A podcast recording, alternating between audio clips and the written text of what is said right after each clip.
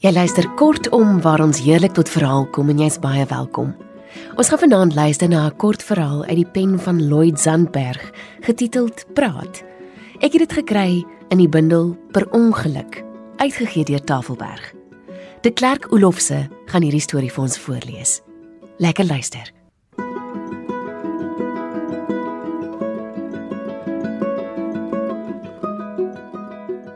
Adrian se pa het hom blykbaar heeltemal foos gesyp. En dit het nie baie lank gevat nie. Alles het begin toe sy ma 2 jaar terug een aand laat met 'n ander man by die huis opgedaag het. 'n Donker man. Ek het nie baie van Adrian geweet nie, behalwe dat hy na daai aand nooit weer gepraat het nie. Adrian en sy pa oom Hermie kon nie glo wat gebeur het nie. Hulle het dan pas aangebou en was so gelukkig. My ouma het mos geglo aanbouings bring nuwe hoop, energie, opwinding en verantwoordelikheid. As dit goed gaan, bou ons aan, maak groter, verf oor, vervang handvatsels, breek uit of deur, sit nuwe teëls in en pluk die matte uit. Oom Hermie was 'n baie aangename wese. Hy het gereeld gebad en sy hemde was altyd gestryk. Hy sou nooit die koerant, huisgenoot, vrouekeer of Forbes magazine haal nie, maar was die tipe oom wat jy buite seisoen vir kreef sal nooi. Hermie het groot geword op Sesfontein, 'n dorpie so groot soos 'n standaard Toys R Us. Hy is die oudste van 6 broers. Al die broers doen iets in die mediese lyn. Die een is 'n dokter, die ander een 'n rep vir 'n kondoomfabriek en die res soek 'n keer vir kanker. Behalwe vir oom Hermie. Hy het 'n ding vir syfers, statistieke en grafieke gehad. Gemiddeldes uitwerk was sy kos.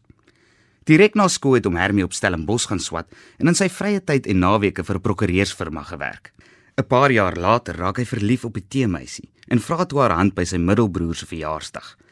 Daai selfde naweek verloor albei hulle virginities onder 'n kameeldoringboom en 3 en 'n half weke later sit die oë. Net voor Adrian sy verskyning maak, is hulle getroud in 'n droë rivierbedding op die familieplaas. Tannie Sonja, die teedame, was 'n dierbare ding. Vreeslik stylvol vir 'n vrou wat nog nooit in 'n groot stad was nie. Altyd 'n lippie, hakke, parels, parfuum en nail polish gedra en die heerlikste cupcakes gebak. Elke jaar by die kermis op Sesfontein was haar tafel eerste uitverkoop. Die mense staan tou tot ander kan die entrance vir 'n stukkie Sonja.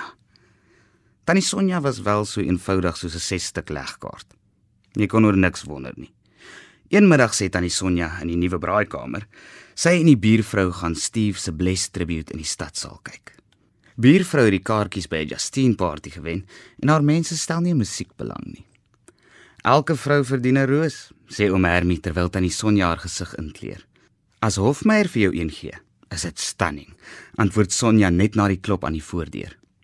Die buurvrou en haar selfgemaakte 3-piece staan die deur vol. 'n Lieflike pastel peach nommer wat afgewerk is met gehekelde persblomme. Sy lyk soos 'n painting wat water gekry het. Behalwe vir Hofmeyer se show, is buurvrou meer opgewonde om haar tande dorp toe te vat. Sy het die stel skaars 'n week en sy kan al appels, steak en Wilson toffee sonder enige drama eet. Maar iets voel nie reg nie, dink Adrian. Sonja gee vir hom Hermie 'n flouerige drukkie en toe sy by die deur uit. Hulle kyk hoe sy in die kar vir haar ekstra parfuum aanspuit tot sy ruik soos 'n lapdance by teasers. Oom Hermie is so onkant gevang dat hy daai aand vroeg gaan bad en slaap sonder om te eet. Sukkel sukkel probeer Adrian en Hermie aan die slaap raak maar hulle rol rond so stolbosse op 'n grondpad. Tweeër die oggend skrik Adrian wakker van 'n geref buite in die pad voor die huis.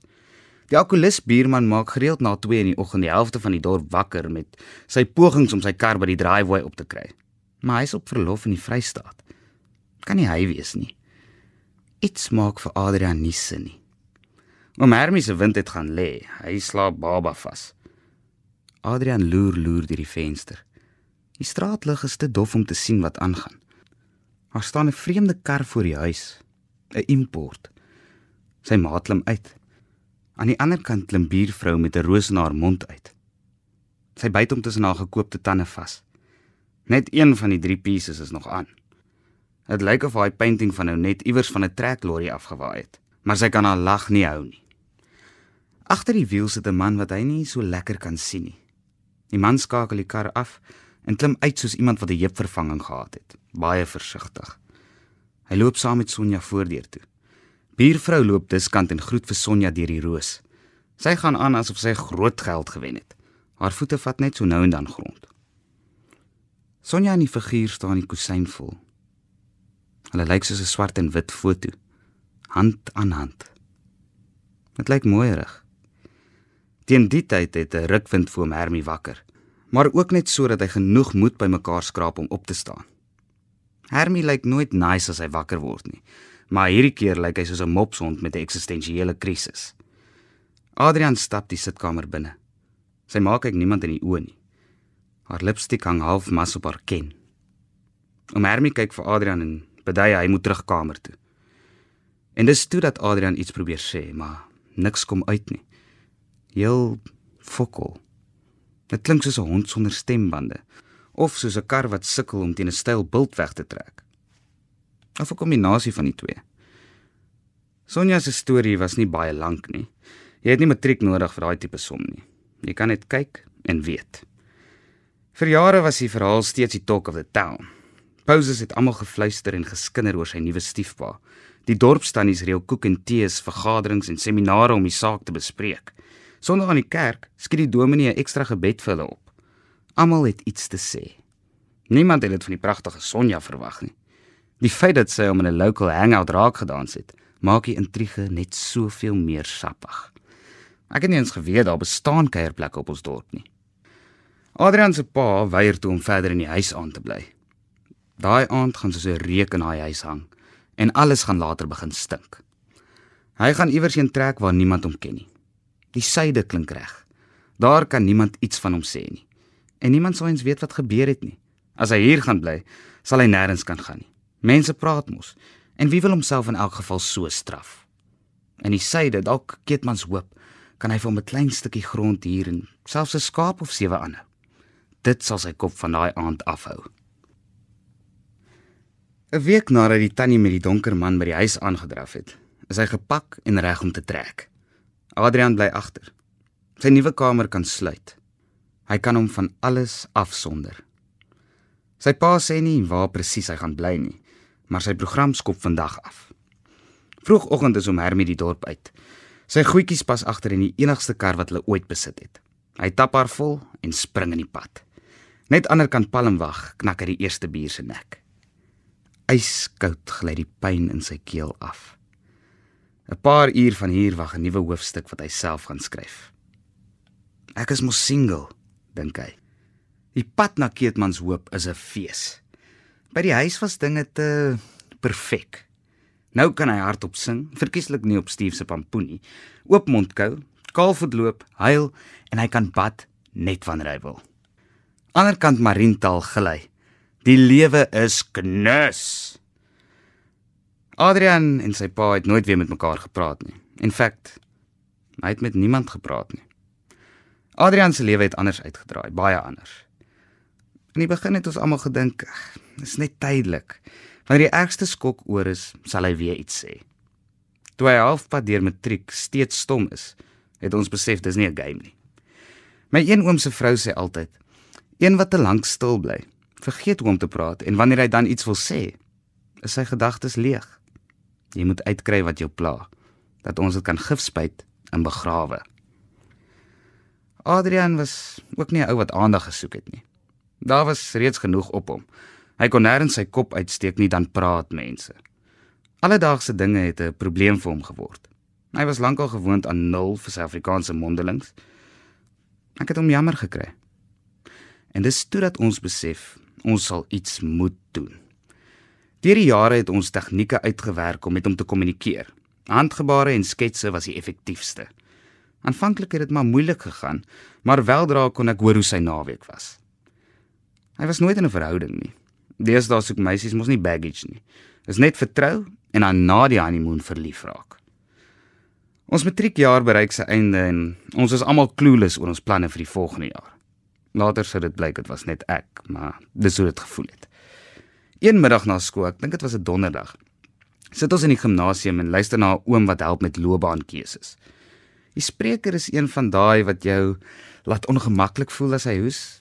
Dit klink of 'n long nou gaan platval asof sy stembande van leer gemaak is. Adrian is so stil soos 'n begrafplaas. Ek kan sien dit interesseer hom glad nie.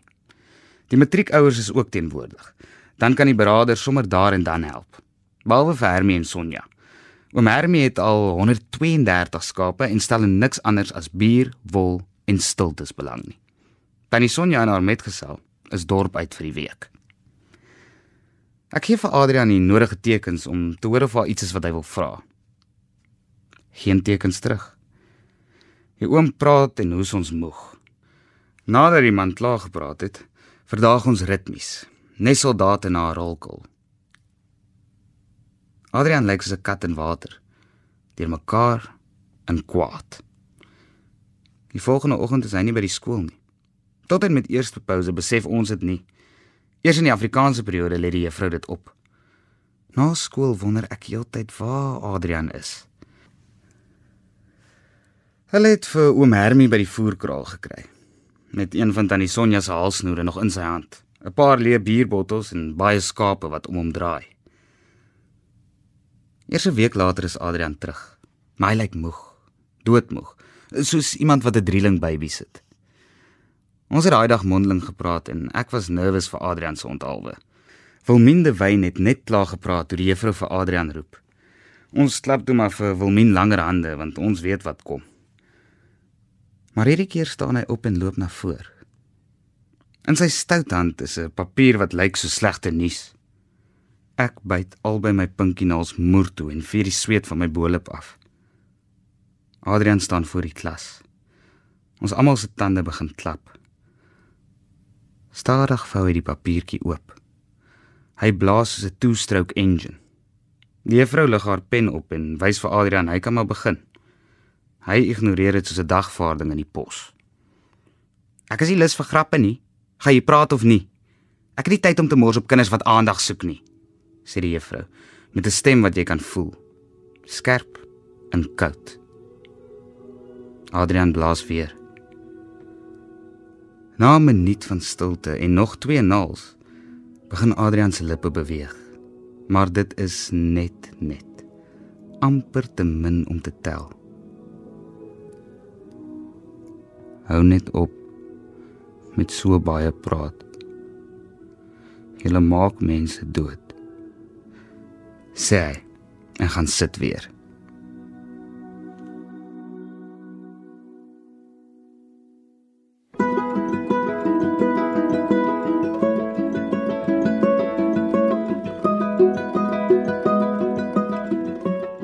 Dit was dan Praat deur Lloyd Zandberg en de Klerk Olofse het dit voorgeles. 'n Heerlike aand vir jou. Tot volgende keer. Totsiens.